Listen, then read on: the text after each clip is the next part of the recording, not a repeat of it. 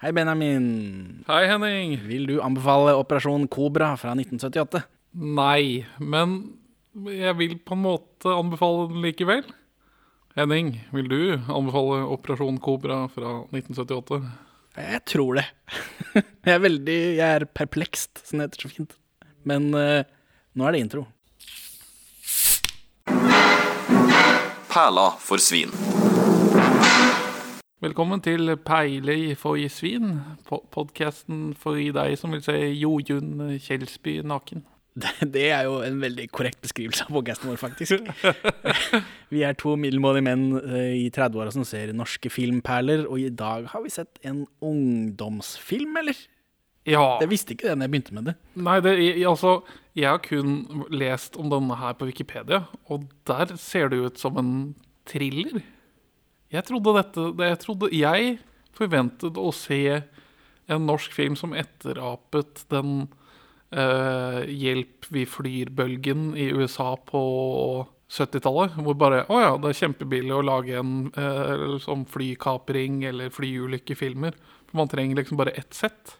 Uh, ja, altså er airport katastrofe, Flykatastrofefilmer, ikke flykomediefilmer som Nei, nei, vi flyr her. nei, nei, nei, nei. Ja. Ja, skjønner. Uh, ja, det eneste gang denne har dukket opp for meg, er i forbindelse med Ingrid Larsen, hun som spiller Gulltopp i 'Reisen til julestjernen'. Hun som spiller barnet i 'Reisen til julestjernen', for dette er hennes andre og eneste film.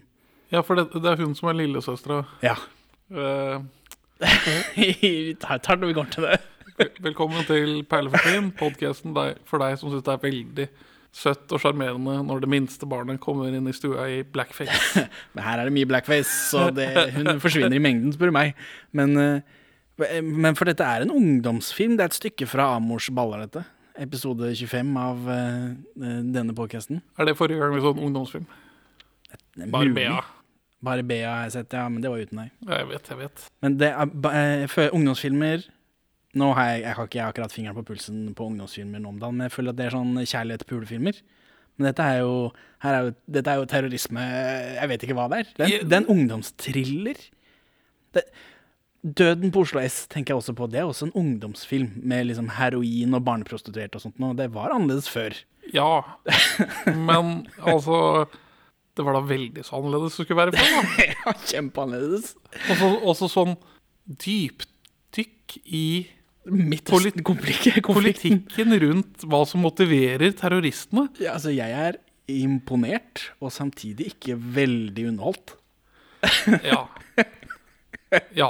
Jeg har, jeg har det, Jeg kan ta det til slutt, eller når, når han dukker opp, men jeg har vurdert å legge ut en klipp av denne på YouTube, hvor man kun tar de tighte bitene. For eh, det er, det er, det er, det er, no, noe memeverdig her. Det er Noe er det. Jeg er veldig Jeg er ja, perpleks etter å ha sett denne filmen. Men ja, for du hadde bare dulta borti den i én sammenheng? Ja, eller jeg har jo siden så har jeg begynt med podcast og alt det greiene der. Altså, han dukker, det er jo, dette er jo Ola Solums andre film etter 'Reisen til julestjernen'. Han som har lagd eh, Orions belte. Ah. Så han dukker opp, den filmen her dukker opp i forbindelse med det, og så Nils Ole Oftebro og alt det greiene der. Men Var det han som daua i en bilulykke? Eh, han døde iallfall tidlig, om ikke det var kreft. Ja. Det skal, jeg, det skal jeg ikke love når du spør sånn, men jeg tror det var jo, kreft. jeg, jeg tror det var han ene fra Orions belte som Nei, det var han skådisen, det. Ja, han ene skuespilleren er også død, ja. Men uh, samme av det. Fred være deres minne.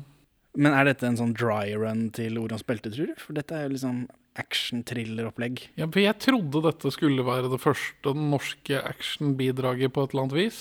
Altså fra dette kun lese Wikipedia-artikkelen. Den tittelen, den Ja, altså, det er jo Operasjon Kobra hver kveld hjemme hos meg. ja, kan jeg tenke meg. Uh, men altså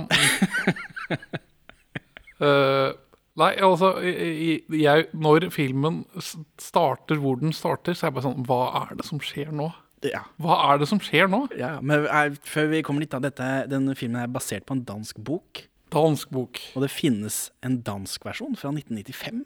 Hæ?! Hæ? Den må vi se. For, den, for det, det, min spådom da blir at den er mye mildere. At- 95 mot 78 Men i Danmark, da. Danskene holder ikke tilbake Ja, det- det- dansk film. eh, Jeg tipper mindre politikk og terror, og mer puling. Det er vanskelig å si. Eller mer mm, hva, hva, hvordan sier man pupp på dansk? Der, ja. Jeg vet ikke. Malone. De sier jo bare tits, vel, for de er så gode på engelsk. Ja. Så, eh, men Det er egentlig det jeg har på bakgrunn. Det er ikke mer enn at det er en dansk bok, og det finnes en dansk versjon av den boka fra 1995. Så endelig har vi slått Danmark på et eller annet, da, som er dansk. Ja, vi, vi var først ute, Eh, for men, en gangs skyld. men, men, Men dette kan ikke bare være en podcast med danske remix.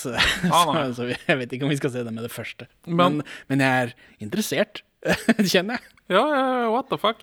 Men, men, men Før vi begynner. Det kjennes ut som en Altså, Olsenbanden junior, The Gritty Prequel. Ja, for, for når vi sier ungdomsfilm dette er Grunnen til at ikke dette er en sånn sexkomedie som vanlige ung- ungdomsfilmer, er at ungdommen her er prepubertale. Ja.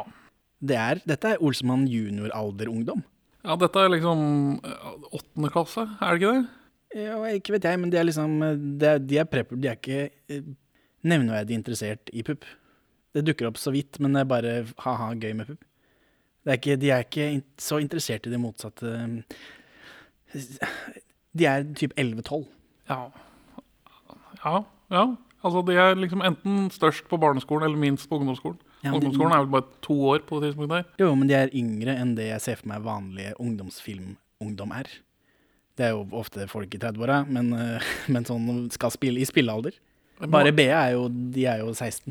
I 1977 så kommer jo Star Wars og viser at det yngre publikummet er pengesterke, og de kjøper merch. De kjøper billett. De drar gjerne flere ganger på kino og ser filmen. Er dette kanskje det første forsøket på liksom, å tappe det markedet? da?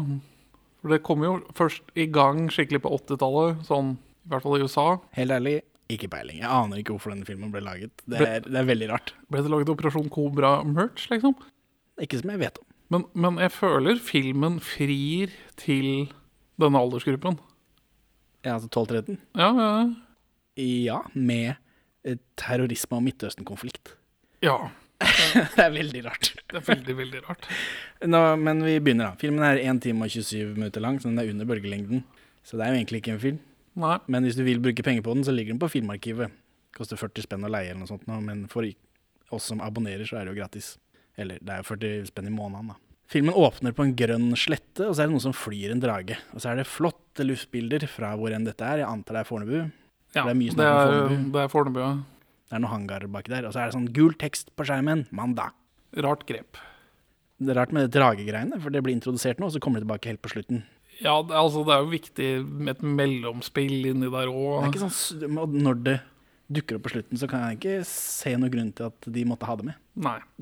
Men, men filmen har give-outs og eh, payoffs. Ja, ja, ja, men det er bare rart. Er det første gang man har det i en norsk film? Eller? Det kan hende. De har, helt, de har ikke fått helt greie på det ennå. Og så er det noen barn som står på en bro over veien der, og så snakker de om støyforurensning. Og om de, og det er han ene, Dan som han heter, han tenker på at hvis han slipper den veska si ned på bilen og treffer akkurat riktig frontrute, hvor mange, han tenker på hvor mange ulykker han ikke forårsaker. Ja.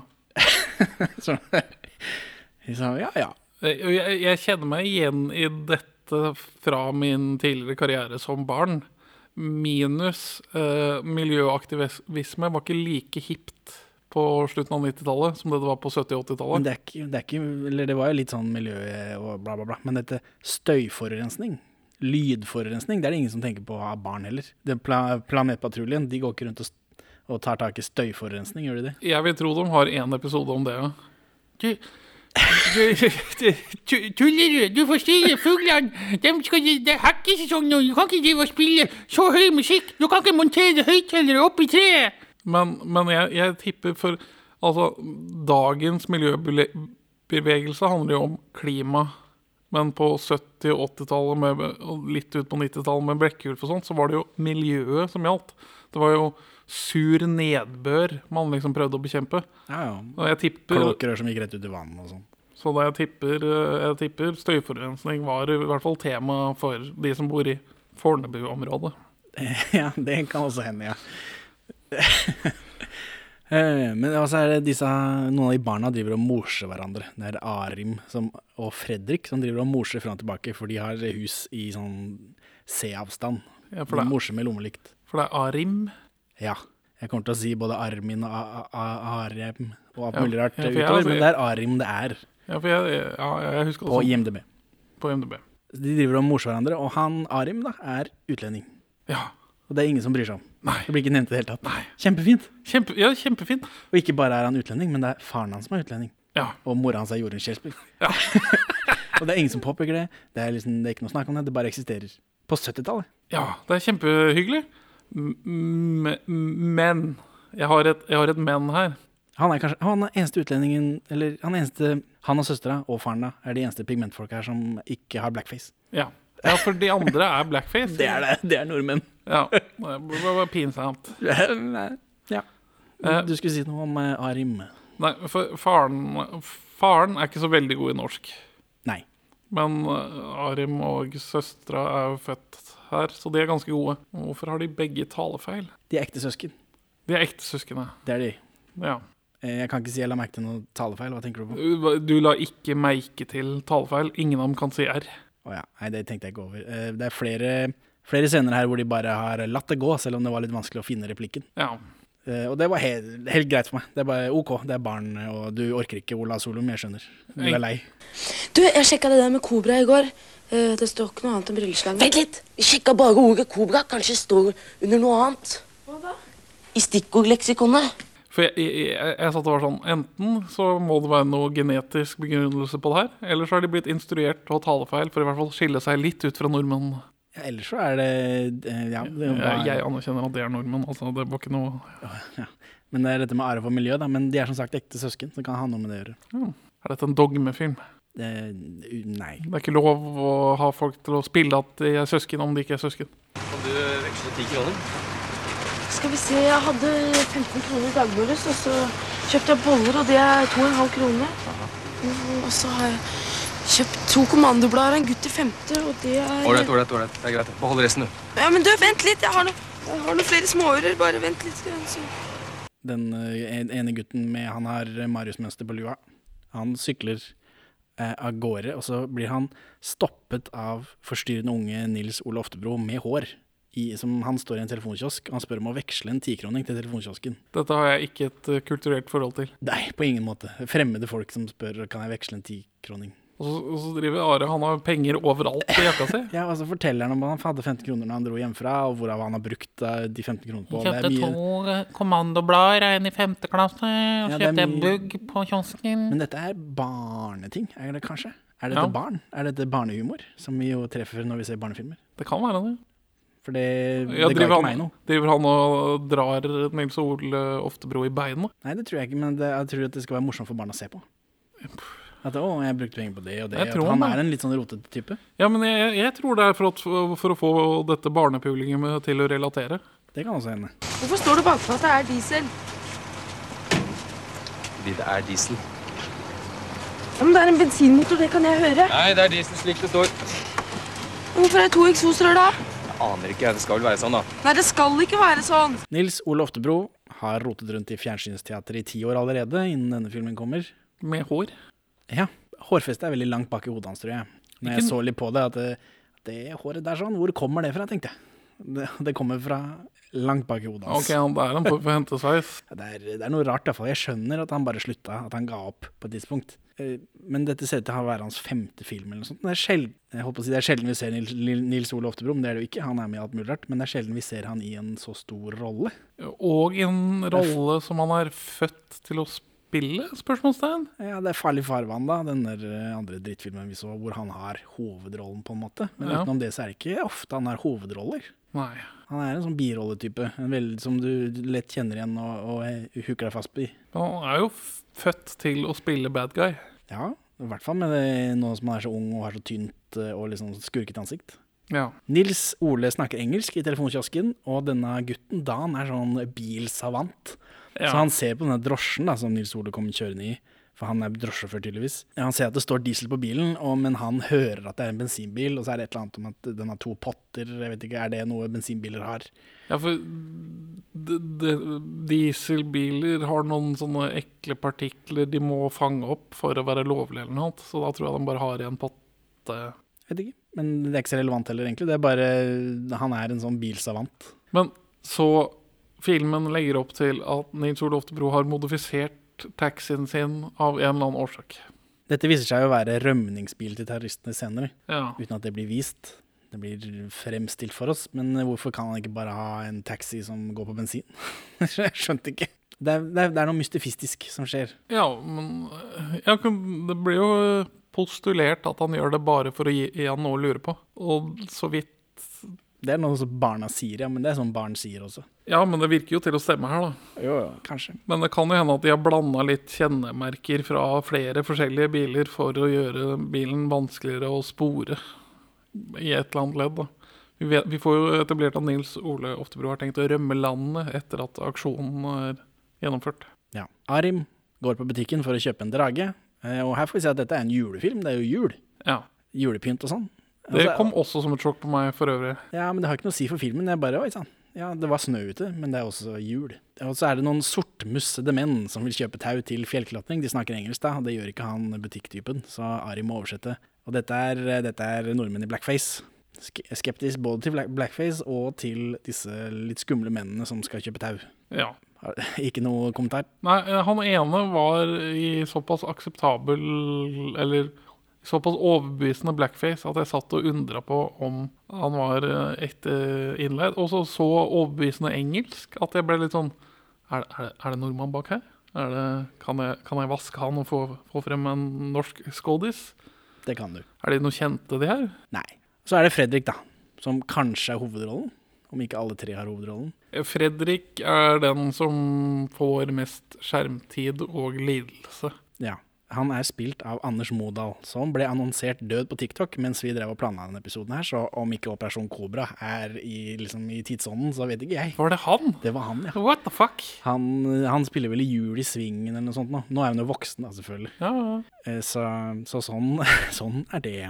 Han, han, fordi han spiller Jul i Svingen, så antar jeg det er derfor han dukka opp på TikTok. For jeg tror ikke disse TikTok-barna har sett Operasjon Kobra og vil annonsere den ungen i Op- Operasjon Kobra død. Så, men Fredrik eh, han sykler med søstera si bakpå, og den, den søstera er jo Ingrid Larsen da. Gulltopp, jenta i eh, Reisen til julestjernen 1976. Og så, eh, så kommer det et ord på en som ikke har lov å si, som Gulltopp lirer av seg. Fredrik, vi skal spille skuespill i barnehagen, og jeg skal være hellig tre konger. Du skal være én hellig konge. Hæ? Du skal være én hellig konge. Du kan ikke være alle tre. Jeg skal i hvert fall være neger. Det, har- falt litt ut av tiden. Ja. Eh, Så kommer det noen jenter da, som Fredrik vil tøffe seg for, og Fredrik sier helvete. Eh, Og en av disse blir fortalt er søstera til Arib, da. Ja. Og så driver de og sånn eh, trakasserer Fredrik sånn som jentegjenger trakasserer enslige byttedyr. Ja, fordi han er snill og hyggelig, og det er veldig hyggelig med snille og hyggelige folk som eh, har med, tar med seg søstera si rundt og Ja, ja, men det er sånn de driver og beskriver han så søt, og så sier han nei, han ikke, gutter skal ikke være søte, nei, de skal være barske, men nei, men han her er søt. Og dette, dette kunne jeg kjenne meg igjen i, i hvert fall. Ja, du følte deg truffet. Ja. Eh, og, men så du dette på eh, filmarkivet? Ja. For bildekvaliteten her er godt ikke ikke har epilepsi. Ja, det tatt akkurat sånn Fy faen, det flimrer så jævlig. Det er mye hvite scener, og det flimrer Altså, jeg vet ikke hva som har skjedd, det er i overføringen. Jeg, jeg tror ikke de har jeg, Altså, det her er jo etter at Betamax og VHS begynner å konkurrere. Altså, Som kjent så taper jo Betamax eh, hjemmemarkedet, men vinner det pro profesjonelle markedet. Sånn at mye TV produsert etter 1978 er, er filmet på Betamax til langt ut på 2000-tallet. Eh, det her kan umulig eh, være en direkte ripp fra film. Selv om man ser disse svimerkene når man bytter rull. Dette er kopi av en Betamax. Det setter jeg alle pengene mine på, Henning. Ja, det Alle vet ikke hva det var, men det var i hvert fall slitsomt å se på. Og så går Fredrik tur med bikkja, og han finner et polaroidnegativ rett ved siden av Fornebu. Og dette trodde jeg skulle bety noe, men det gjør det ikke. Ja, Nå skjønner jeg hva det betyr. Ja, De har jo vært- de har vært der og steika alt. ja det var det jeg antok, men det polaroidnegativet kom jo ikke opp igjen. Den filmen her holder deg ikke i hånda, Henning. Nei, nei. Det holder deg ikke i hånda. Hæ? Du må tenke litt sjøl. nei men han kunne jo Det kunne jo dukka opp igjen. Bare, han ser ikke på det engang. Eller vi får jo ikke se at han liksom finner ut hva det er de har tatt bilde av. Det er jo sikkert noe fly, da, men Men så er vi hjemme hos eh, Fredrik, og nyhetene står på. De snakker om PLO, men denne familien er ikke så veldig politisk engasjert, virker det som. Og Far. Far, Faren sitter og synger på svensk, og det er liksom noen greier. Og så klipper vi brått og forstyrrende over til Dan. De ser også på nyhetene. men det er et litt mer fornemt hjem. Fornemt hjem, Litt og, dyrere Tandberg-TV. og de er jøder. Og de er jøder. Nå Som betyr at de følger mer med når det er eh, dette Midtøsten-greiene. Og Dan har spørsmål. Ja. For han, han For nå begynner det. Nå, dette, nå begynner filmen for oss. uh, For de ser på nyhetene, og så er det snakk om PLO og, og Israel og og Yasir Arafat og alt det greiene der. frykter ny krig i Midtøsten. Ja. Og Dan og familien er jøder, eller i hvert fall far. Det blir ikke spesifikt sagt eh, om mor, men far sier at han, eh, han er jøde, så de sympatiserer med Israel uten at han liksom De flagger ikke med det israelske flagget hjemme. Og han snakker om at han måtte flykte under krigen. Ja, faren måtte flykte under krigen ja, av Men at han opplevde seg selv som både norsk og jødisk. Ja, for han sier han vet vel knapt hva shalom betyr, eller et eller annet sånt noe. Ja, fred være med deg. Sier Dan. At det, det er det det betyr. Så. Jeg vet jo knapt hva shalom betyr. Fred være med deg. Hva? Shalom betyr fred være med deg. Men dette er på en tid, for dette er en film om terrorisme for barn. Det, dette er på en tid når, da terrorismen var palestinsk, og ikke, Ja. ikke stort annet. Nei. Og jeg trodde dette skulle være en sånn flykapringsterrorismefilm, som er relativt vanlig, eller var på den tiden. Ja. Jeg, ja. Det er jo ikke en film om flykapring. For det, liksom, jeg leste i synopsisen 'Fornebu, terrorisme', og tenkte OK, flykapring, nå er vi på. Uh, men det er jo ikke det. Men, men jeg har en del greier om flykapring i norsk sammenheng allikevel, hvis du har lyst til å høre. Ja, ja, kjempegøy, det. Eh, kjenner du noen flykaperterrorister i Norge, forresten? Det var han øksefyren i et sånt Widerøe-fly tidlig på 2000-tallet. Å ja, nei, jeg tenkte sånn bor og lever i Oslo helt som normalfolk. Mm, å, ja, er ikke det en eller annen sånn D-kjendis? Eh, det kjendis er vel å ta i, men det er Sohaila Andraves. Hun og tre andre terrorister kaper i 1977 et Lufthansa Boeing 727 eh, som en del av den marxistiske folkefronten for palestinask frigjøring. De krevde løslatelse av elleve medlemmer av terroristorganisasjonen Råte Armé Fraksjon fra var det- vestisk fengsel, Det var, og to palestinere fra tyrkisk fengsel, og 15 millioner dollars for hvorfor ikke. When in Rome. Du får jo ikke noe av dette uansett, så hvorfor ikke? Eh, og hun eh, blir kalt, ble kalt den tjukke av gislene, som er dårlig gjort av gislene, spør du meg. Ja, Altså, nå må dere Stockholm-effekten kicke litt hardere inn her. Eh, Hun blir beskrevet som spesielt brutal under kapringen. Hun slo gisler, helte alkohol på dem, så, så sitat, de kunne brenne bedre, sitat slutt. Og det, sånn går det når du kaller folk tjukke. Og piloten, da, eh, Jørgen Schumann, blir skutt. Eh, for han, det er mye sånn fram og tilbake, og de lander steder, og så drar de igjen. Og så på et eller annet tidspunkt så var han ute av flyet for lenge. Og så når han da kommer inn igjen, det spekuleres vel i at han ble holdt avhørt av dette var nede i Afrika et sted, et eller annet eh, politi der sånn, og han ikke da kom, hørte på at han måtte komme tilbake. Når han da kommer tilbake, så blir han bare skutt i huet. Høflig. Eh, Og eh, piloten Jørgen Schumann blir skutt, ja, og alle terroristene blir også drept, med unntak av den tjukke. Har du sett den videoen hvor hun blir tatt blødende ut av flyet mens hun viser peace-tegnet og roper 'kill me, kill me'? Det har jeg ikke. For det fins. Det ligger på YouTube. Ja, Dette skjedde i Mogadishu, da, forresten. Så hun blir dømt til 20 års fengsel der, men blir benådet og utvist etter to år. Og i 1991 dukker hun opp i Norge og bare henger rundt under eget navn. og så, og så eh, eh, Hun er FAU-representant, blant annet. FAU. Er det det det heter nå? Ja. Ikke FAU? Ikke FAU. Det er aldri et FAU der jeg har bodd. Ja, ja, det heter i hvert fall FAU, der jeg kommer fra. Og I 1994 så blir hun begjært utlevert til Tyskland, og i 1995 så avgjør justisminister Grete Farmo at hun må utleveres. Og i Tyskland så blir hun dømt til ti års fengsel for flykapring, frihetsberøvelse, utpressing, medvirkning til overlagt, overlagt drap på flykapteinen, da, og drapsforsøk på de tyske politimannskapene som stormet flyet, for dette var jo et tysk fly, selv om det skjedde i Mogadishu. Eller selv om de landa i Mogadishu, når liksom der det ble tatt. Og I 1997 så blir hun flyttet til Norge for å sone her, i Breitveit kvinnefengsel, og hun ble løslatt for godt i 1999. Og det siste som står på Wikipedia-siden hennes, er eh, i slutten av 2004 så medvirket hun i fjernsynsprogrammet Redaksjon 1 på NRK, der hun ble presentert som norsk palestiner. Og hun kommenterte da Yasir Arafats død og spørsmålet om Yasir Arafat var terrorist. Så hun bor i Oslo. Ja. Eh, Men så er det flykampringer i Norge. Det har vært Hvor mange, tror du? Elleve. Fem. I 1985, et Bråten Safe-fly fra Trondheim til Oslo blir kapret av en norsk mann som overga seg etter fire og en halv time mot noen flasker øl. Så det er liksom, her begynner det. Noen måtte åpne døra, for Ja. at, eller et eller annet åpne døra for at andre skal kunne fly. Eller I 19... noen, noen må gå for at andre skal kunne løpe. Eh, ja. I 1993 så er det et Aeroflot-fly fly fra Baku til Kiev som blir kapret av tre iranere.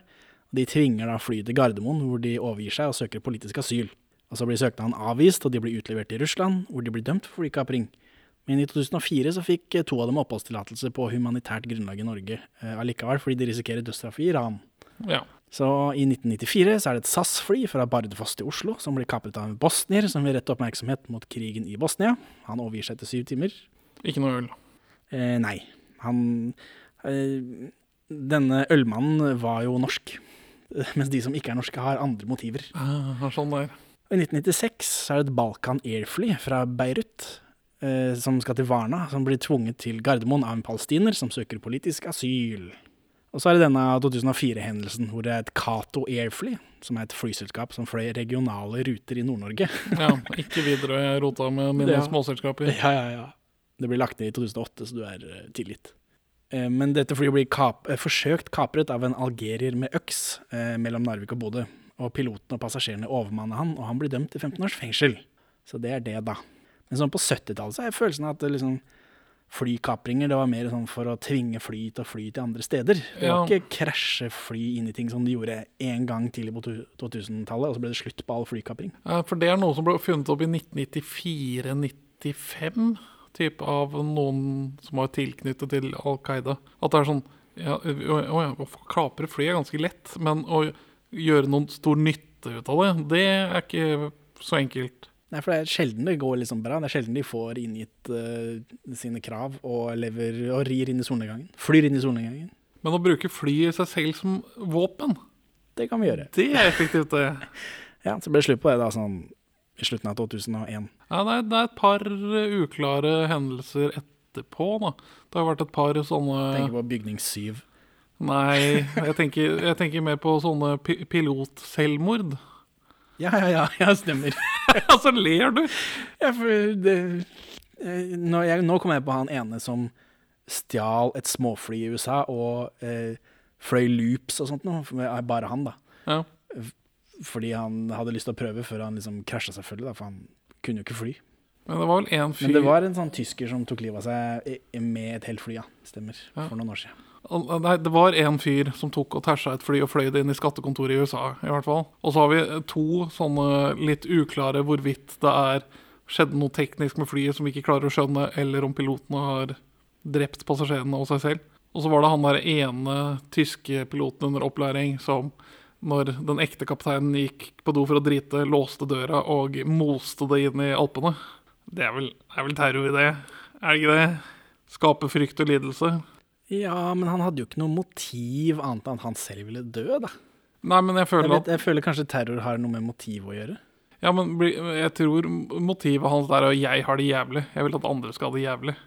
For Kanskje. du dreper ikke et, et, helt flylass med passasjerer kun for å ta ditt eget rep. Nei, det er ufint. Det er ikke det jeg sier, men liksom jeg sier Men samme handlingen Hvis jeg blir sint på noen og stikker dem ned med kniv, så er det en kriminell handling hvor jeg stikker ned noen med kniv. Hvis jeg stikker ned noen med kniv fordi jeg, jeg tror på QAnon, så er det plutselig terror.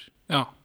Så det er motivet som gjør terrorisme til terrorisme. Nå snakker jeg om ting jeg ikke kan om, kjenner jeg. Nei, nei, men- I denne ungdomsfilmen som vi kanskje burde komme oss videre i snart. ja, det er sant, det er sant. Men uh... Du får siste ord. Wrap it up. Én samlende setning nå, hvor vi løser terrorisme for en, en gang. Uh, En gang for alle. vi må snakke mer sammen. altså, ikke du og jeg som snakker sammen hver eneste uke, men, Nei, det er det er, men folk. Det er typisk folk ved en podkast å si 'hæ, er bukken havresekken'? Ja, ja, ja. Plottet i denne filmen, da, Operasjon Cobra, er at den amerikanske uten, utenriksministeren skal komme til Norge. Han kommer på torsdag. Nå har vi jo fått uh, skrevet på skjermen at det er mandag. Ja. Og så Nå har vi jo vært hjemme hos Fredrik eh, under nyhetene, og hjemme hos eh, Dan eh, under nyhetene, og nå er vi hjemme hos Arim. Og Han krangler med søstera si ved middagen, og her kommer Jorunn Kjelsby, som er mor, og så er det utenlandsk far, og alt dette greiene, og faren er fotograf eller noe. Som hobby, virker det som. For, for han på, Altså Jeg tror regissøren har hatt problemer med å instruere han her, for han, dette er han som har de flateste linjene i filmen. Ja, men han har også litt problemer med språket, virker det som. Ja, men han, sier- han sier sånn uh, Jeg kan ikke imitere det, men er det, det er sånn Han kjefter på barna sine for at de driver og krangler. Han har en litt strengere foreldrestil enn vi, vi har i dag, kanskje. Uh, Men så, rett etter han kjefter på dem, bare Kom, vil dere bli med og se på noen bilder jeg har tatt? Og så går de til, fotorommet. Ja, det er for å introdusere dette bildegreiene på en veldig klein klanky, clunky, som det heter på engelsk måte. Eh, men Arim, eh, etter at dette er skjedd, så roter han rundt på rommet sitt, og han leser tegneserier. Og her, det, her kommer det noe veldig Han leker, da. Leker med seg selv, ikke med penis, men sånn, sånn som barn gjør. Leker med seg selv, for han er jo barn.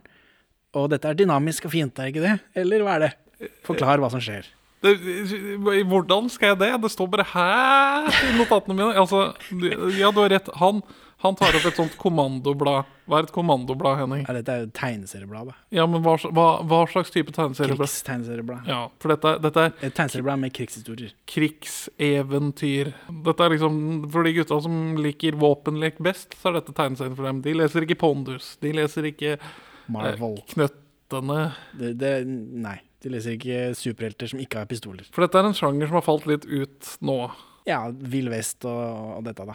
Ja, Så han leser sjanger litt i den tegneserien sin, og så begynner han å agere en sånn frijazzdans. Ak han, han leker gjennom en sånn friassosiasjonsdans til dette konseptet vold i tegneserie. Ja. Og dette, dette klippet skal på Perleforsvin sin TikTok, kjenner jeg. ja, vi må bare sette opp en TikTok. Hvor vi kan annonsere ymse norske skuespillere døde. Så ja, nei, hva, hva mer er man skal si? Det, det, Det blir det er ganske Han eh, har lest tegneserier, at folk skyter hverandre, og så, eh, som du sier, agerer han at han skyter, og at han liksom er disse tegneseriefigurene, samtidig som det klippes veldig hardt mellom han og de sidene. ja, Og Det, dette var helt annerledes enn noe annet i filmen. ja. Spenstig, kanskje? Det liksom, kanskje er dette for å opp barna som ser på? Ja, Eller er det bare Ola Solen som leker seg? Ja, ja det er, men det, jeg tror det er for å prøve å nå frem til barna. Da, og liksom vise verden slik Ja. barna ser den. Når han holder på med dette, så glemmer han tiden litt, så han må plutselig forte seg ut, for han skal morse med Fredrik, da, og de morser med rommelikt. Og Arim er ikke helt stødig i morse. Nei, det er Fredrik som er morsemester og han som drar det i gang, i hvert fall. Nå får vi aldri se han tyde morse, men han, han morser jo, da. Og så, eh, så, så der er alt etablert, bare. Og så er plutselig, nå er det tirsdag, og da får vi se et fly som lander på Fornebu. Blir du glad? Det er ikke tog. det er sant. Dan sykler, eh, og politiet er der i Volvoene sine, og de har enorme radioer. Ja, og eh, teite frakker. Og hvem er han ene skuespilleren der? Det er Lars Andreas Larsen. Broren til Trude Drevland. Ja, sånn det var. Og han er skuespiller i Kosmetikkrevolusjonen, som er episode 12 i podkasten her. Eh, og i Kosmetikkrevolusjonen så er også regissøren av denne filmen, Ola Solum, han spiller en sjåfør. Ja. Liten verden på 70-tallet, Det sier jeg. er det. Han andre eh, politimannen der er Erik Øksnes. Han faren, han gamle gubben i Absolutt blåmandag, som er episode 10 eller noe sånt av podkasten. Ja. Så da får vi bare etablert at politiet er liksom rundt der fordi denne utenriksministeren skal komme, da.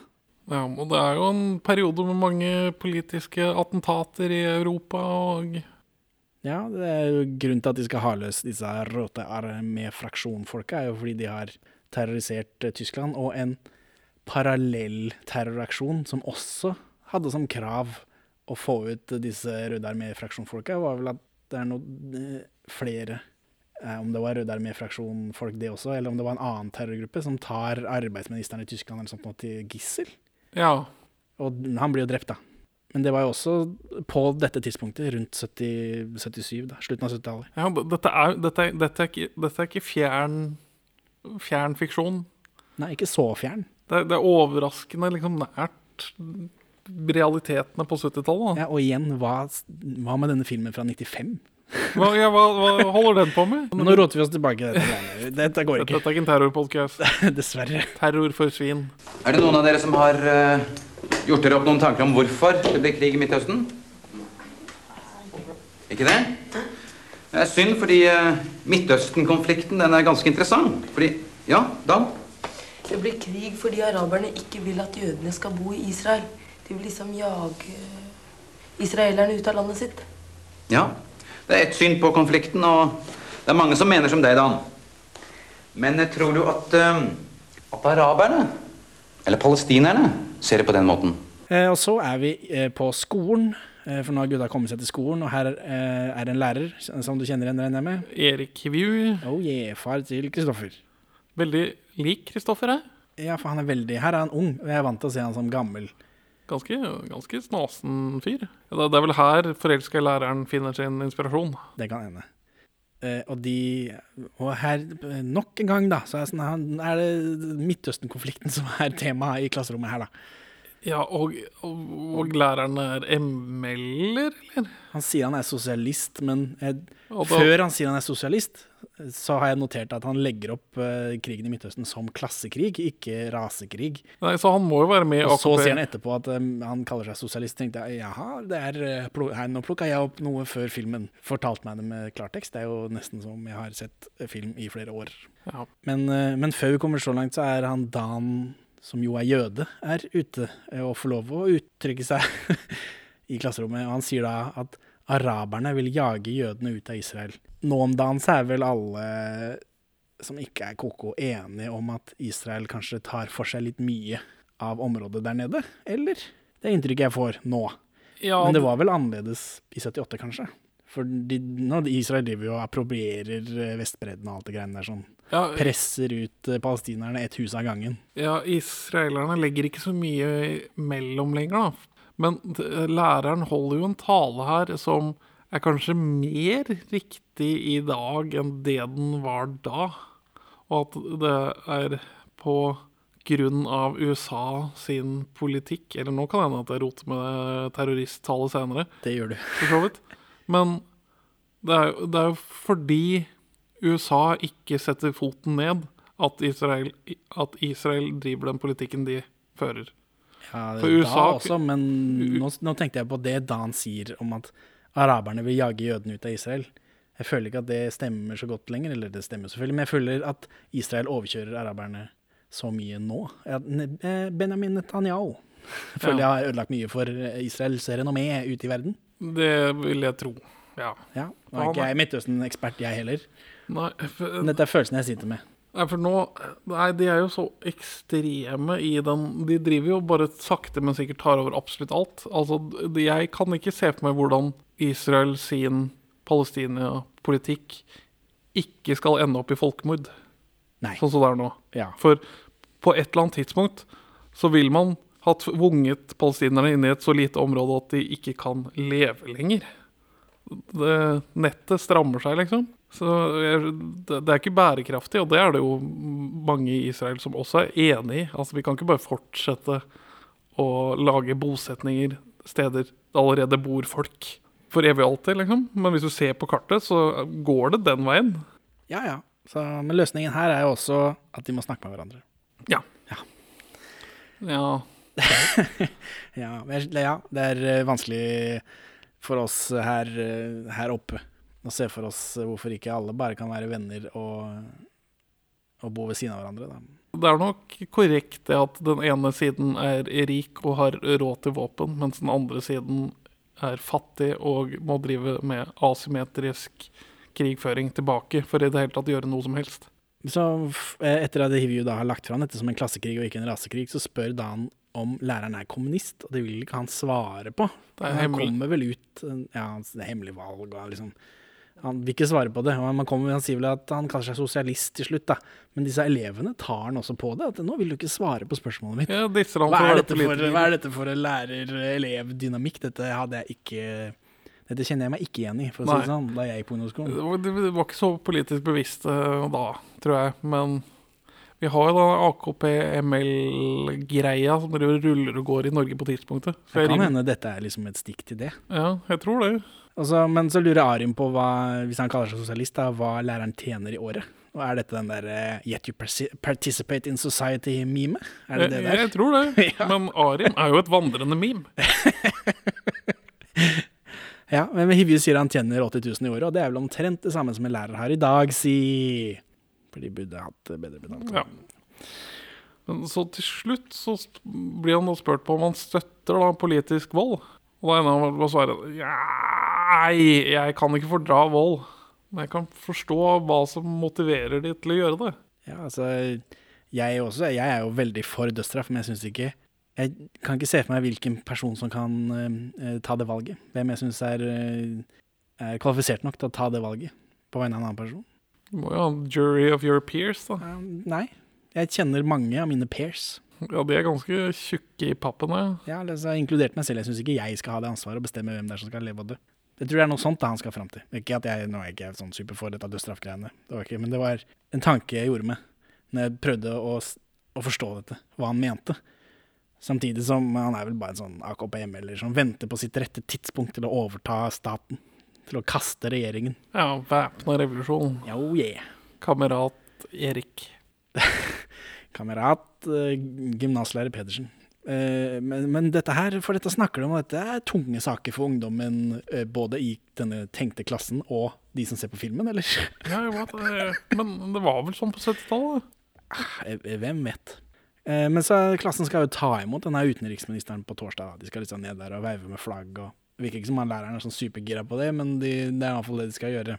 Stå langs veien og, og vifte med flagg. Det husker jeg vi gjorde når kongen kom og sånn. Ja. Så, eh, men det blir aldri noe av det, så det, men det blir nevnt, da. Så driver disse gutta, gutta boys og roter rundt ute, og vi får mer fly som lander, da. Og her driver Fredrik og snakker om at det er for lite flykrasj om dagen. Så han, liksom, han vil ha mer krasj, da. Sånn er man vel som barn, er man ikke det? Jo, han er litt sånn edgelord. Og så driver Dan og maser om den drosja til Ole, Nils Ole Oftebro ennå. Han syns det er rart at den, det sto diesel, og så er det helt tydelig en bensin, og han får ikke det ut av huet. Og her kommer dette. Arim sier ja, men kanskje for at du skal ha noe å lure på, da, vet du. Og det var sånn jeg føler foreldre Eller da jeg vokste opp, så var det jo sånn Spør hvorfor det, hvorfor det, hvorfor det? Og så sier far da til slutt at det, liksom, det er bare for at du skal ha noe å spørre om. Men det er før internett, kjenner jeg.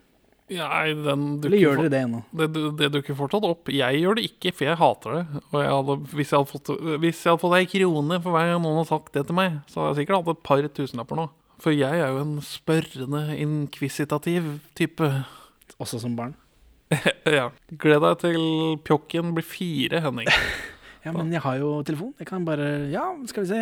Himmelen er blå fordi Ja ja, men det er 400 spørsmål om dagen i snitt, eller noe annet for en fireåring. Ja, men jeg har jo masse wifi. Det går bra. Det er sant.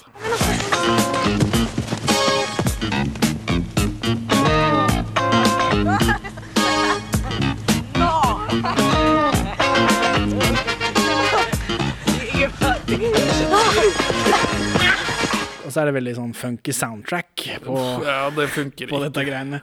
Jeg skjønner, jeg hører hva de prøver på. De prøver å ha noe som er både sånn Yeah, nå, nå er det spenning, og, og også oh, nå er det spenning. Uh, Så er det litt sånn guttastemning, eller barn, barnestemning. At vi er ute og vi reker rundt og driver med sånn som barn driver med. Men det er jo ikke bare guttastemning i den filmen her. Etter, for, senere så blir det litt uh, damestemning også. ja, for dette formatet, dette A-teamet, denne banden Det starter jo ut med de tre guttene, men til slutt så har det blitt et sånt jentemedlem. Altså Redningspatruljen. Dette føles litt ut som samme type gjeng som Redningspatruljen. Men her de driver og sykler i snøen, og det var det ikke kultur for da jeg vokste opp. Med en gang jeg så de sykla av gårde på sykkel i liksom dyp snø, tenkte jeg at de kommer til å gå rett på trynet. Og neste scene er Arim som sykler alene med handleposer og går rett på trynet. Og han gjør sine egne stunts. Det ser farlig ut. Ja. Ikke siste gang et sånt ser farlig ut den filmen der. På ingen måte. og så er disse De blackface-folka er fra butikken i stad. De holder på med en buss, tror jeg. Men det viser seg å være en flyttebil. Ja. Norgesreiser Norges Ekspress, står det. Norges Ekspress. Men og så kommer Nils Ole, og dette skjer bare mens liksom Arim observerer det i, i sidesynet, fordi han er opptatt med å tryne på sykkel. Fortell... Det er bare å etablere at de eksisterer rundt deg, at de driver med noe snusk. Det er bare for å bygge stemning for oss som ser på, for Arim tar ikke, tar ikke noe notis av dette. Men dette, dette fungerer. Dette blir man litt sånn Oi, oi, oi. Nå, man føler seg litt som detektiv sjøl, liksom. Ja, ja, ja. Og så er vi hjemme hos Fredrik, og her har telefonen gått i stykker. Er det noe du kjenner deg igjen i? Borte i tiden. Ja, vi har vel opplevd det, men det begynner å bli ille lenge siden. Si. Ja, eh, og så kommer Gulltopp inn i blackface. Ja, og alle blir så glade, og hun er så søt, og alle smiler, og det er bare så god stemning. ja. Lille brown top. Eh, Fredrik får da beskjed om at han må stikke opp i telefonkiosken for å ringe sentralen for å høre hva som er galt. Det, det kjenner jeg meg ikke igjen i. Jeg har Nei. aldri blitt sett Men, men Aldri brukt en telefonkiosk, selv om det eksisterte da jeg var yngre. Jeg Hvem skulle jeg ringe, liksom? Jeg kunne ikke noe nummer eller kunne hjem-nummeret kunne jeg i huet, men hvorfor skulle jeg ringe dem? Jeg kommer jo derfra. sentralen står vel på veggen inne i telefonkiosken, tipper jeg. Jo, jo, men det var ikke det, men det var det at jeg har aldri brukt en telefonkiosk. Hvorfor i alle dager skal jeg gjøre det? Jeg har brukt telefonkiosk. Yes. Men da sykler han forbi denne terrorflyttebilen, da. Og så står det en dame i kiosken her og jangler. En gammel bergenserdame med sånn paroditeater-bergenserstemme. Ja. Eh, Men uh, hun jangler og ordner og styrer, så Fredrik må liksom vente, og så gir han opp til slutt. Fordi hun dama skal ringe flere. Skal bare jeg òg. Ja. Jeg skal bare jeg også, så du kan bare ta drit i ungen. Ja, Så han gir opp, så han sykler hjem, og da står denne terrorflyttebilen på utsida. Og så er familien hans tatt som gissel av Nils Ole Oftebro og disse blackface-folka. Finne ut av når han, liksom, han kommer inn. Og nå er det spennende. Ja, nå er det litt for spennende for en barne- og ungdomsfilm. Ja, for de har stenguns og liksom Eller en eller annen pistol. En karbinrifle med foldbar kolbe. Den, den typen som er brukt av MP i den norske hæren mellom 1949 og 1970 et eller annet, kanskje? Ikke peiling, men de har iallfall ekte guns, så det ser farlig ut. De har ikke bare ekte guns, de har også noen pissegunnere. Ja, Det har de sikkert, men det, det så farlig ut. Det, det gjorde det, men, men, ja, de, ja. ja. Så, men Fredrik forteller at han fikk jo ikke ringt. Så, og så blir Gulltopp og Fredrik tatt med opp i annen etasje. Tenkte jeg dette her går ikke bra. Men så skjer det ikke noe der. De bare, han Terroristen bare roter rundt på rommet mens å se at ikke de har mobiltelefon eller sånt. Nei, jeg vet ikke De lette etter våpen og Ja, han, fant en kniv, Ja. og så tar de den telefonen som er oppe. ja. Ikke mobiltelefon, men fasttelefon da, selvfølgelig. Men de, for de kan ikke ha telefonen som permanent frakoblet, for det kan vekke mistanker. Ja, for Nils Ole har en plan. Og så er Arim ute og morser da, til avtalt tid, så, men han får ikke svar selvfølgelig, for Fredrik er litt opptatt. Bitte litt. Og så er alle nede i stua, og her driver Nils Ole og forteller hvordan liksom, det ligger an. Det er 36 timer til, alt er over. Om det blir oppdaget, så kan det gå utover gislene, bla, bla, bla. Det vanlige terrorgreiene. Samtidig som han er veldig høflig og prøver liksom å si at dette skal gå bra. Veldig fascinerende.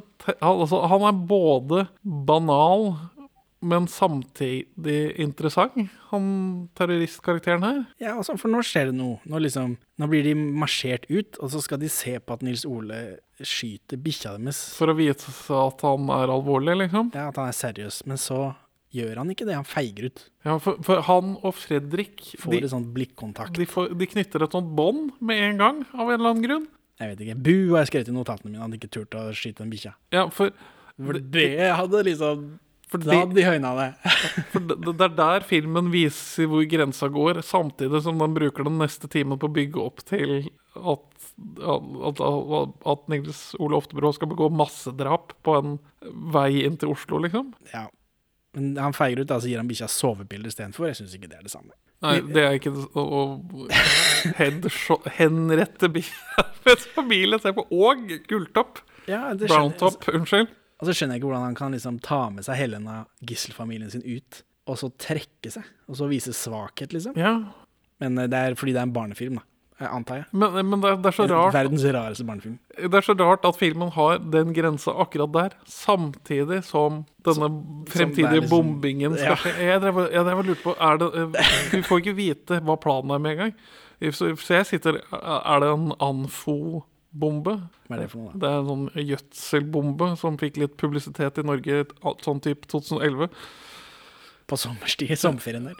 Eh, så eh, er hele den bare lasta med, med gjødsel. Skal de liksom bare lage et svært krater på Fornebu der? Ja, ja. Det visste jeg, skjønner du, fordi da jeg slo opp dette Ingrid Larsen-greiene, og det er kanskje 10-15 år siden, det eneste som jeg klarte å spore av filmen Operasjon Kobra, var fra Internet Movie Car-database, som har bilder av absolutt alle biler noensinne, og der var den der rakettbilen. Med Nils Ole Oftebro ved siden av. Tenkte jeg, dette er det rareste jeg noensinne har sett. Så det har jeg liksom hatt i hodet i årevis. Uten å følge det opp. Det er jo Ja, eller det, Ja, det det er- pirrer meg, i hvert fall. Det er så mange rare filmer jeg har i hodet som jeg aldri i verden klarer å spore opp. Men denne her lå jo bare ute. Eh, Men uansett, da. Så, eh, så gir de opp dette skyte bikkje-greiene. Nils Ole sier han har drept folk før, at han kommer til å drepe mange flere i løpet av de neste, neste 36 timene. I hvilken sammenheng har Nils Ole Oftebro sin karakter drept folk? Han feiger jo ut på den bikkja, så jeg vet ikke. Jeg tror kanskje han lyver. Det er rart å være Han sånn internasjonal superplanlegger-terrorist, og så ikke. For planen er jo, Hvor ganske, kommer han fra? planen er jo ganske bra. Hvor, ja, hvor, han har, han har Hvem var han før dette? Vi får vite at han har sett en palestinsk flyktningleir med egne øyne. Så det kan jo hende at verdens hviteste Nils Olof de Brå har liksom vært nede i Palestina og stått på frontlinjene, liksom. Kan jo hende. Det er jo en annen eh, norsk gærning som gjør det. Ja. Har de sett en palestinsk flyktningleir noen gang, Paulsen? Vet de hva det innebærer av menneskelig fornedrelse? Og de leirene er et resultat av amerikansk fredspolitikk. Så er det onsdag, står det på skjermen. Mer fly. Nils Ole vekker Fredrik.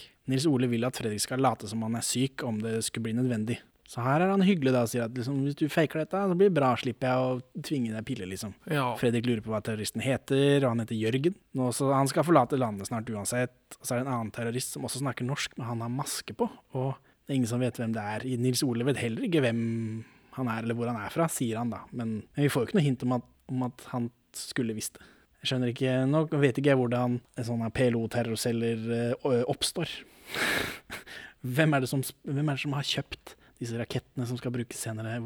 Hvor får de pengene sine fra? Vil du høre hvordan 11. september-cellen oppsto? Kjør på, når vi først sitter her. Det var fire høyt utdannede kompiser som da hang i en sånn fremtidig terrormoské. da, Altså en moské som har kollokviegrupper som blir inspirert til å gjøre noe. De fire bestemmer seg for at de har lyst til å gi livet sitt til eh, skaperen ved å falle i kamp for islam. Og så sitter de på toget og diskuterer. De, de har landa på en plan. Vi skal dra ned til Tsjetsjenia og hjelpe våre muslimske brødre bekjempe sin, eh, sin russiske okkupant. En tilfeldig fyr på toget overhører de og sier dere har, dere har gode intensjoner, men jeg kjenner en fyr som kan få noe skikkelig greie på gang. Og da får de telefonnummeret til en fyr som setter de på gang på en reise til Afghanistan, hvor de blir da vervet av Osama bin Laden til denne 11. september-planen. Ja, Så det er ikke mer profesjonelt enn det? Nei. Nei. Så jeg hadde et poeng. Jeg hadde et poeng. Ja, ja. Jeg hadde et poeng, Og det er interessant. Bæsj! Og så ødela du, det på slutt med å sparke mikrofonstativet. Helvetes unger.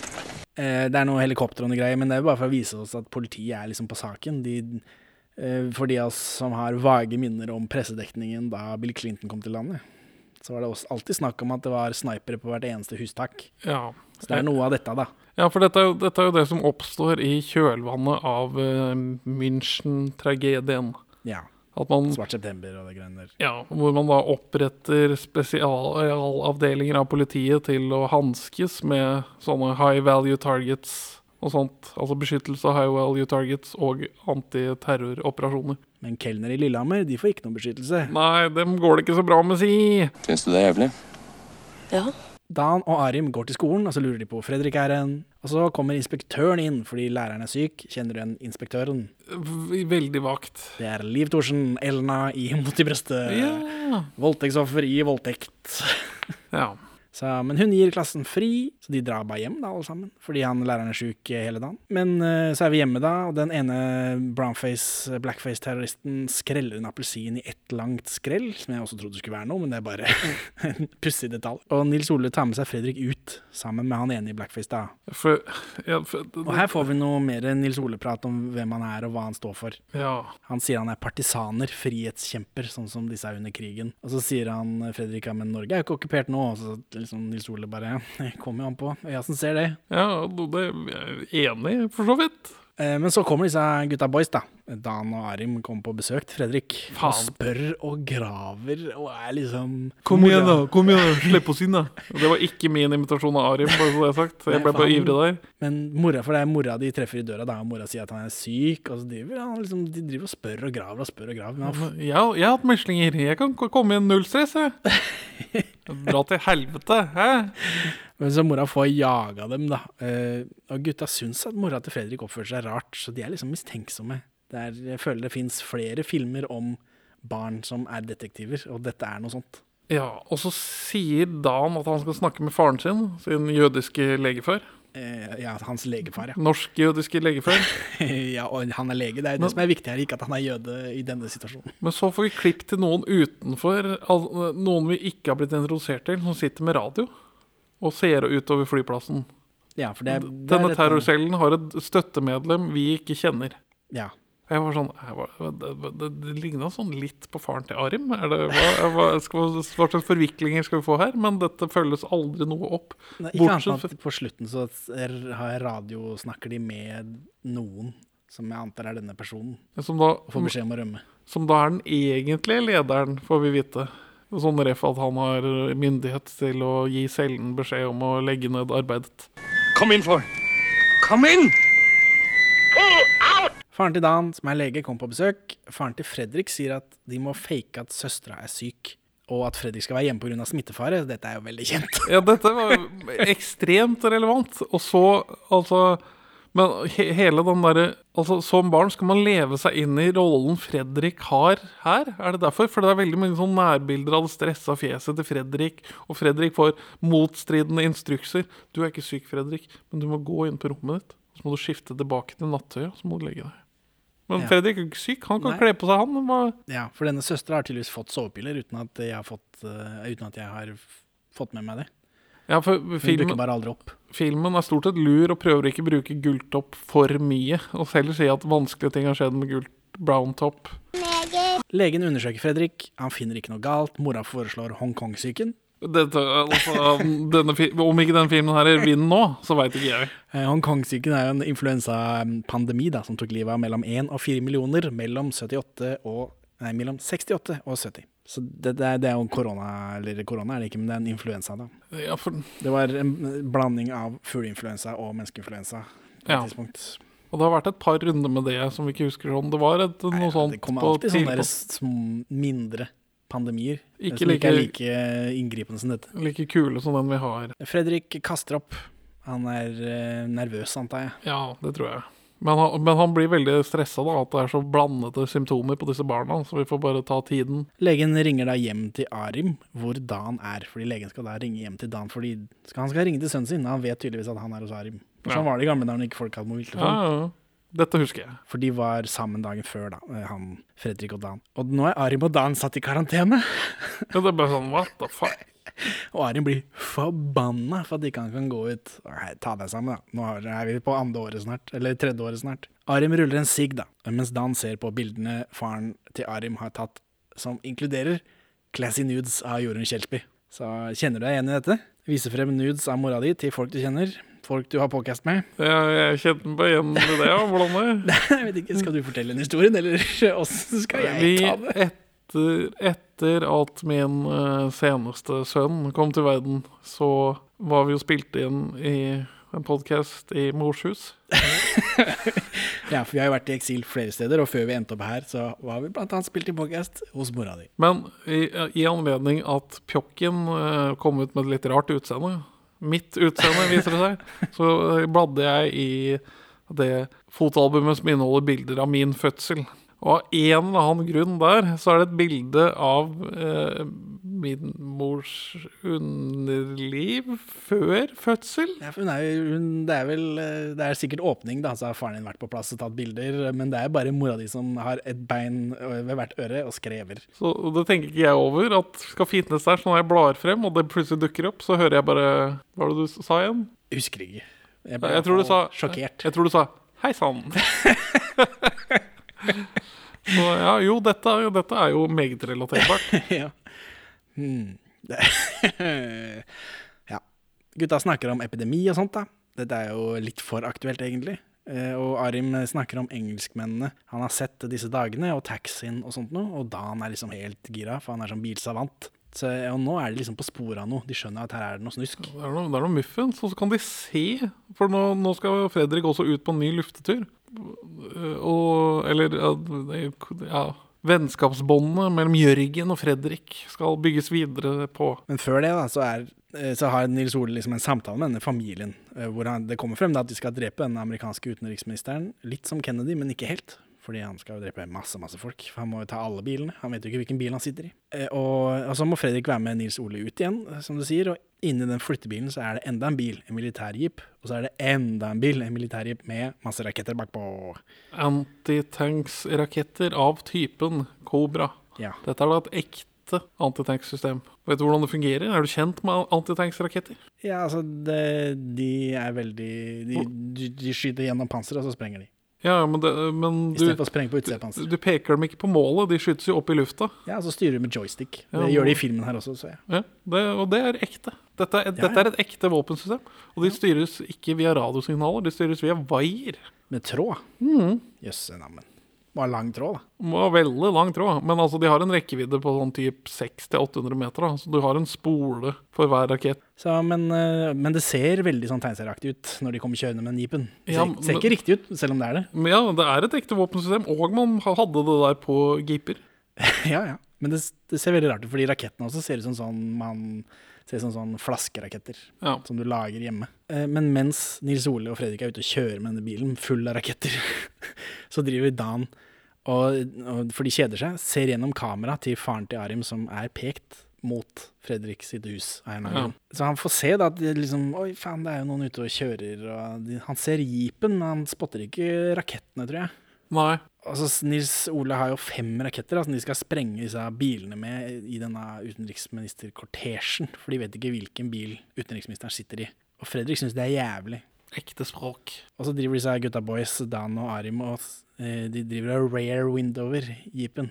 Ja. Det er rare window. Nå er de i karantene, de får ikke lov å gå ut. De kan bare eh, observere verden utenfor gjennom en fotolinse. Eh, helt til søstera til Arim kommer og forstyrrer dem, da. ja. Og hun roter rundt og, liksom, og plager dem, og de plager henne. Og Kjefter på dem for stjålet røyk. Og... Og i dette så får hun tatt bilder av jeepen, uten at hun så det. Ja, så hun må fremkalle bildene igjen på mørkerommet. Ja.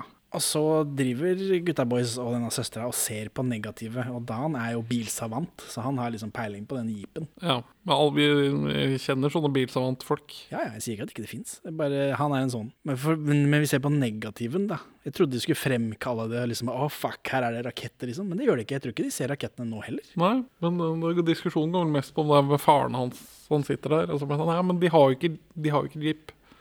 Vi hadde jo visst det. Ja, det er mye sånn fram og tilbake. Fredrik er inne på rommet sitt igjen, og her finner han en sånn heltetegneserie som han ødelegger i frustrasjon. Altså, det er tydelig at dette gisselsituasjonen er ikke noe gøy for han heller, selv om ikke han har uttrykt det så mye. Nei, Han har jo hatt stressa fjeset mye, da. Men jeg, Han kasta jo opp i stad og sånt, men eh, Ja, men jeg føler at dette var å illus- illustrere at uh, krig og moro uh, Krig og våpen er ikke gøy når det rammer deg. nei. Eh, Og så finner han den lommelykten, da. Så han morser med gutta. Det er mye prikker og streker og greier. Og Fredrik morser til Arim, og Arim er ikke så god i morse, så han leser Kobra, Gidler og Agrat. Og det er jo ikke det han prøver å si. Men sånn etter en del fram og tilbake, og denne søstera, som tydeligvis har mer peiling på morse, av en eller grunn, finner ut at det er Kobra, Gisler, attentat. Ikke verdens tydeligste melding å sende. Nei. det syns ikke jeg heller.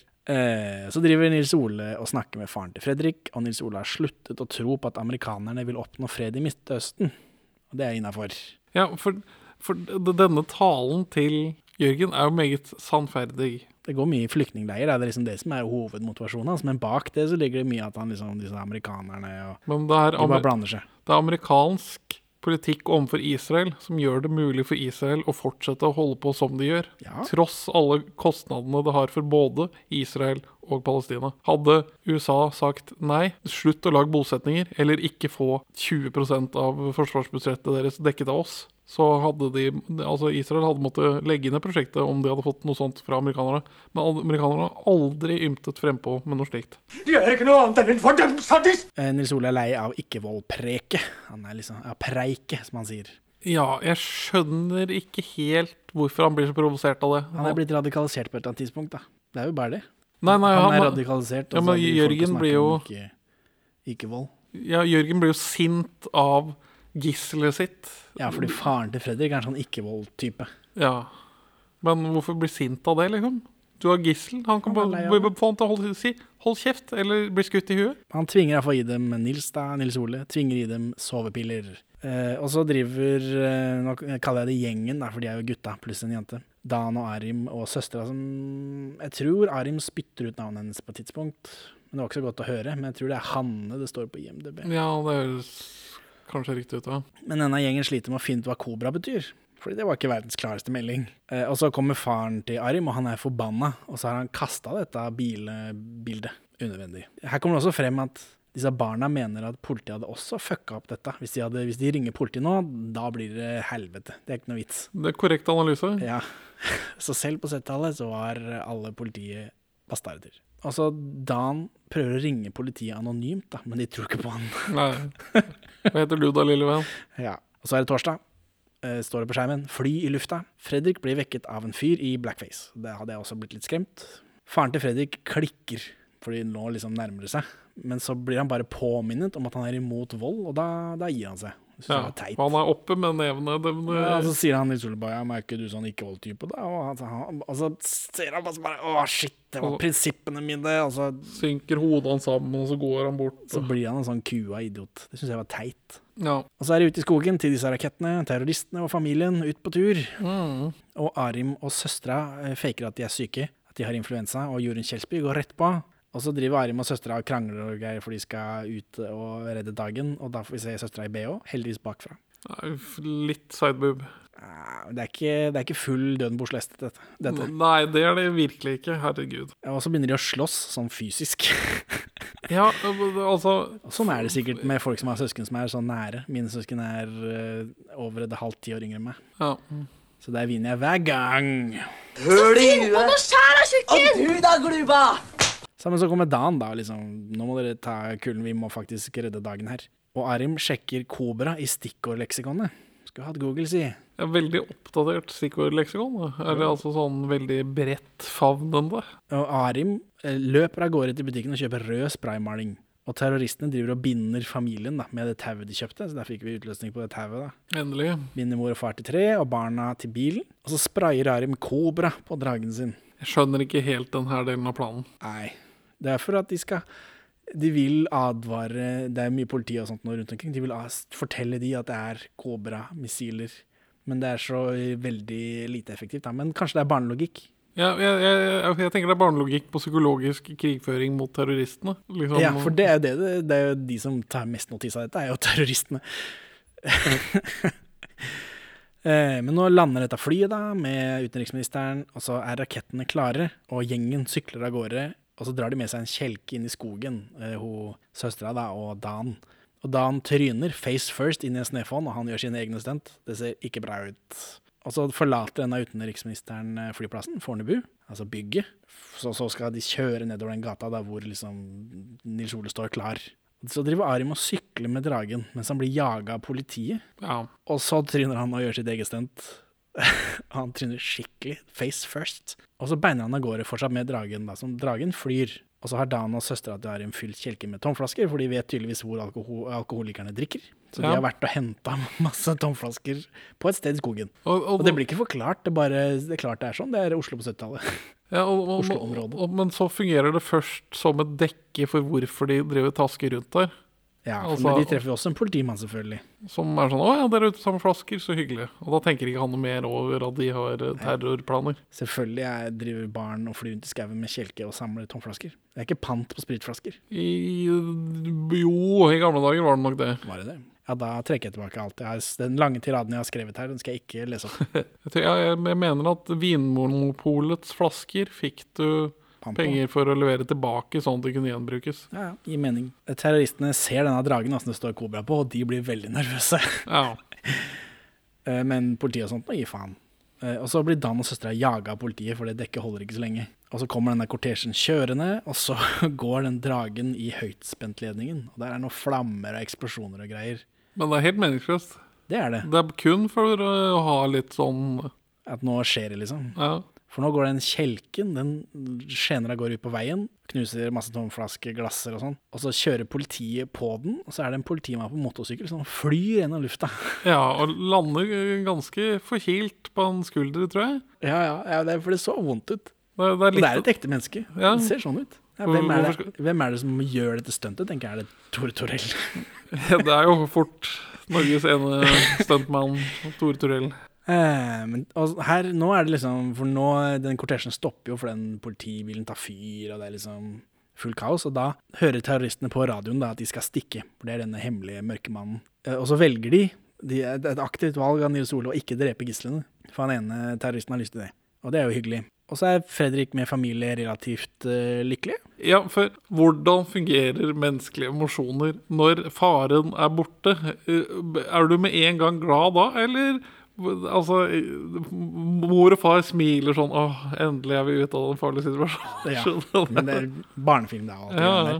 Og så, og så er det noen fly og greier igjen, og nå har tid gått, da. Så nå er vi liksom ferdig med dette eventyret. Det er jo eh, fryktelig lite forløsende at de terroristene bare blir borte.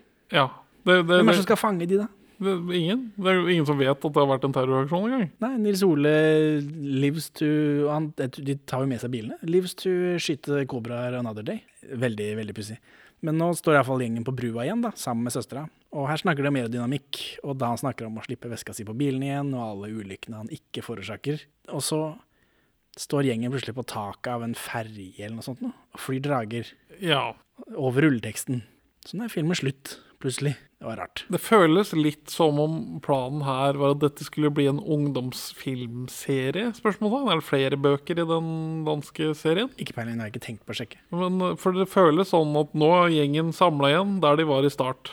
Videre til neste eventyr. Livet går videre, tenkte jeg, Jeg selv Ja. etter dette. Men det er også, vi ser jo med våre øyne for dagens øyne for terrorisme, så har jo i gode gamle dager så planla man et terrorangrep, og så planla man også å komme seg rømme fra åstedet og ikke bli tatt. Ja, for Nils Ole har jo en rømningsplan, det er denne drosja, da. Men det har jo vært I den økte militariseringen av terror, som følge av at samfunnet planlegger i hvert fall litt for at terror kan skje, så er jo den hacken noen fant på, var at å ja, hvis du ikke forventer å overleve terrorangrepet ditt, så er det mye lettere å gjøre større angrep. Så De stikker bare av, blir borte. Vi får ikke vite hva som skjer med dem. De, de tar av det dieselmerket på den taxien, og så kan ingen finne det. Det var veldig rart. Så, Benjamin, vil du anbefale dette? Hva ble det til til slutt? Du ville ikke anbefale det, men kanskje litt? Den er interessant å se, og den er ikke bare dårlig, men den er ikke bra heller. Nei, samtykker. Men Men det er så mye rart her. Jeg skulle, må, skal selvfølgelig spare til du spør meg, men Ja, det er så veldig mye rart her. Altså Det er bare den Den øh, Altså at folk har forskjellige etnisiteter i øh, Proto-Olsen-banden junior-gjengen din i det hele tatt, og det er et ikke-tema. Kun det er kjempeinteressant. Og så denne, dette jødegreiene er jo litt Det er tematisk, da. Om Ja. ikke det er tema. Det blir ikke tatt opp som et tema, men det har jo noe med temaet i filmen å gjøre. Det er, um, det er en vinkel på å forlyse pro problemet, eller temaet i filmen, på en annen måte, som ikke du hadde fått uten. Ja. Så ikke det bare har vært en tilfeldig Israel-støtter. Ja, filmen snakker jo direkte om antisemittisme òg. Ja, ja, ja. At det er bare sånn Det, det, det, det spennet mellom barnegjeng opplever eventyr, men eventyret er eh, land, landegrenseoverstridende internasjonal terror. det er liksom Det er helt på det, det, det, Jeg skulle nesten ønske den var dårligere. For det hadde vært, det hadde vært høyere sannsynlighet for at den hadde potensial til å bli kultfilm. Men altså, jeg, Arim er, Det er verdt å se filmen bare for å oppleve Arim, syns jeg. Altså, han, han, han er filmens breakout character for min del. For alt han sier, er rart og teit og morsomt og merkelig og Ja, nei. Så eh, hvis du vil se det du minst forventer fra en norsk film, så vil jeg anbefale denne. Hvis du er ute for en ungdomsfilm litt utenfor det vanlige, så anbefaler jeg denne. Som eh, fredagsunderholdning eh, ikke så mye. Hvis du er 12 eller 13, da? Ja, kanskje. Ja, kanskje. Ja. Hvis du er tolv hvis du er 12 år og lurer på hvordan det var å være ung i gamle dager, og vil ha noe spenning, ja, se denne. Så Henning, vil du anbefale? Ja, jeg vil anbefale, av alt det du sier, egentlig. Det er, det er veldig tematisk rart. Eller temaet er så stort og omfattende, og så er det fra sånn barneøyne. Slutten er utrolig skuffende. Ja. Selv om de har pøsa på med action, men det at disse terroristene stikker av, det er ikke sånn man lager film. Nei. For meg, da. Og det ikke har noe etterspill engang. De er bare, Nei, det er de ingenting. De bare Nå er vi lykkelige. nå er vi på broa, nå er vi på taket på den båten. Det er ikke som de er liksom på De er på broa der sånn, så kommer eh, Lars Andreas Larsen som han som spilte Portemann. Kommer han med Nils Ole Oftebro i håndjern bak der, liksom? Det er ikke det engang. And I would have gotten away with this if it weren't for these meddling kids. Ja, nei, det er superrart, men det er ikke sånn 1732-Høtten-rart, hvor alt er tullete. For det er veldig seriøst. Ja, det, Det er rart, og det er en rar blanding av temaer. Veldig. Ja. Ja, for jeg vil, jeg vil si jeg, jeg har jo en fantasi om at en dag så vil podcasten vår bli stor nok til at eh, vi kan ha visninger på Cinemateket, og så prater vi litt om filmen etterpå med noen som var involvert i filmen. Og dette er en av filmene som hadde egnet seg til det formatet. Ha det bra da, Benjamin. Ha det bra, Henning. Takk for at du hører på Perler for svin. Du finner oss først og fremst på perleforsvin.no, men også på Twitter under perler-for-svin, Facebook som perleforsvinpod, eller du kan maile oss på perleforsvinpod at gmail.com. Gi oss gjerne en eh, rating i din lokale podcast-avspiller, og, og legg igjen en beskrivelse, så folk skjønner hva det er for noe tull vi egentlig driver med. Her er ukas Pål Bang-Hansen-sitat ute av kontekst. Det gikk ikke så bra med Hindenburg. Jag skulle bra gärna vilja veta varför vårt hus inte fick stå kvar. Jag skulle bra gärna vilja veta vad de har gjort med mor och far. Kan någon människa ge ett svar?